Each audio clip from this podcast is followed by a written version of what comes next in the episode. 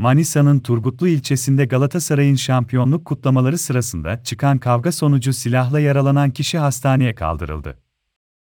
Atatürk Bulvarı üzerindeki şampiyonluk kutlamaları sırasında iki grup arasında tartışma çıktı. Anın haberine göre Hanımeli sokakta devam eden tartışmanın büyümesi üzerine M, G yanında bulunan tabanca ile Abdülsamet Öz'ü 28 boynundan yaraladı. Öz çevredeki vatandaşlar tarafından otomobille Turgutlu Devlet Hastanesi'ne götürüldü. İhbar üzerine olay yerine polis ekipleri sevk edildi.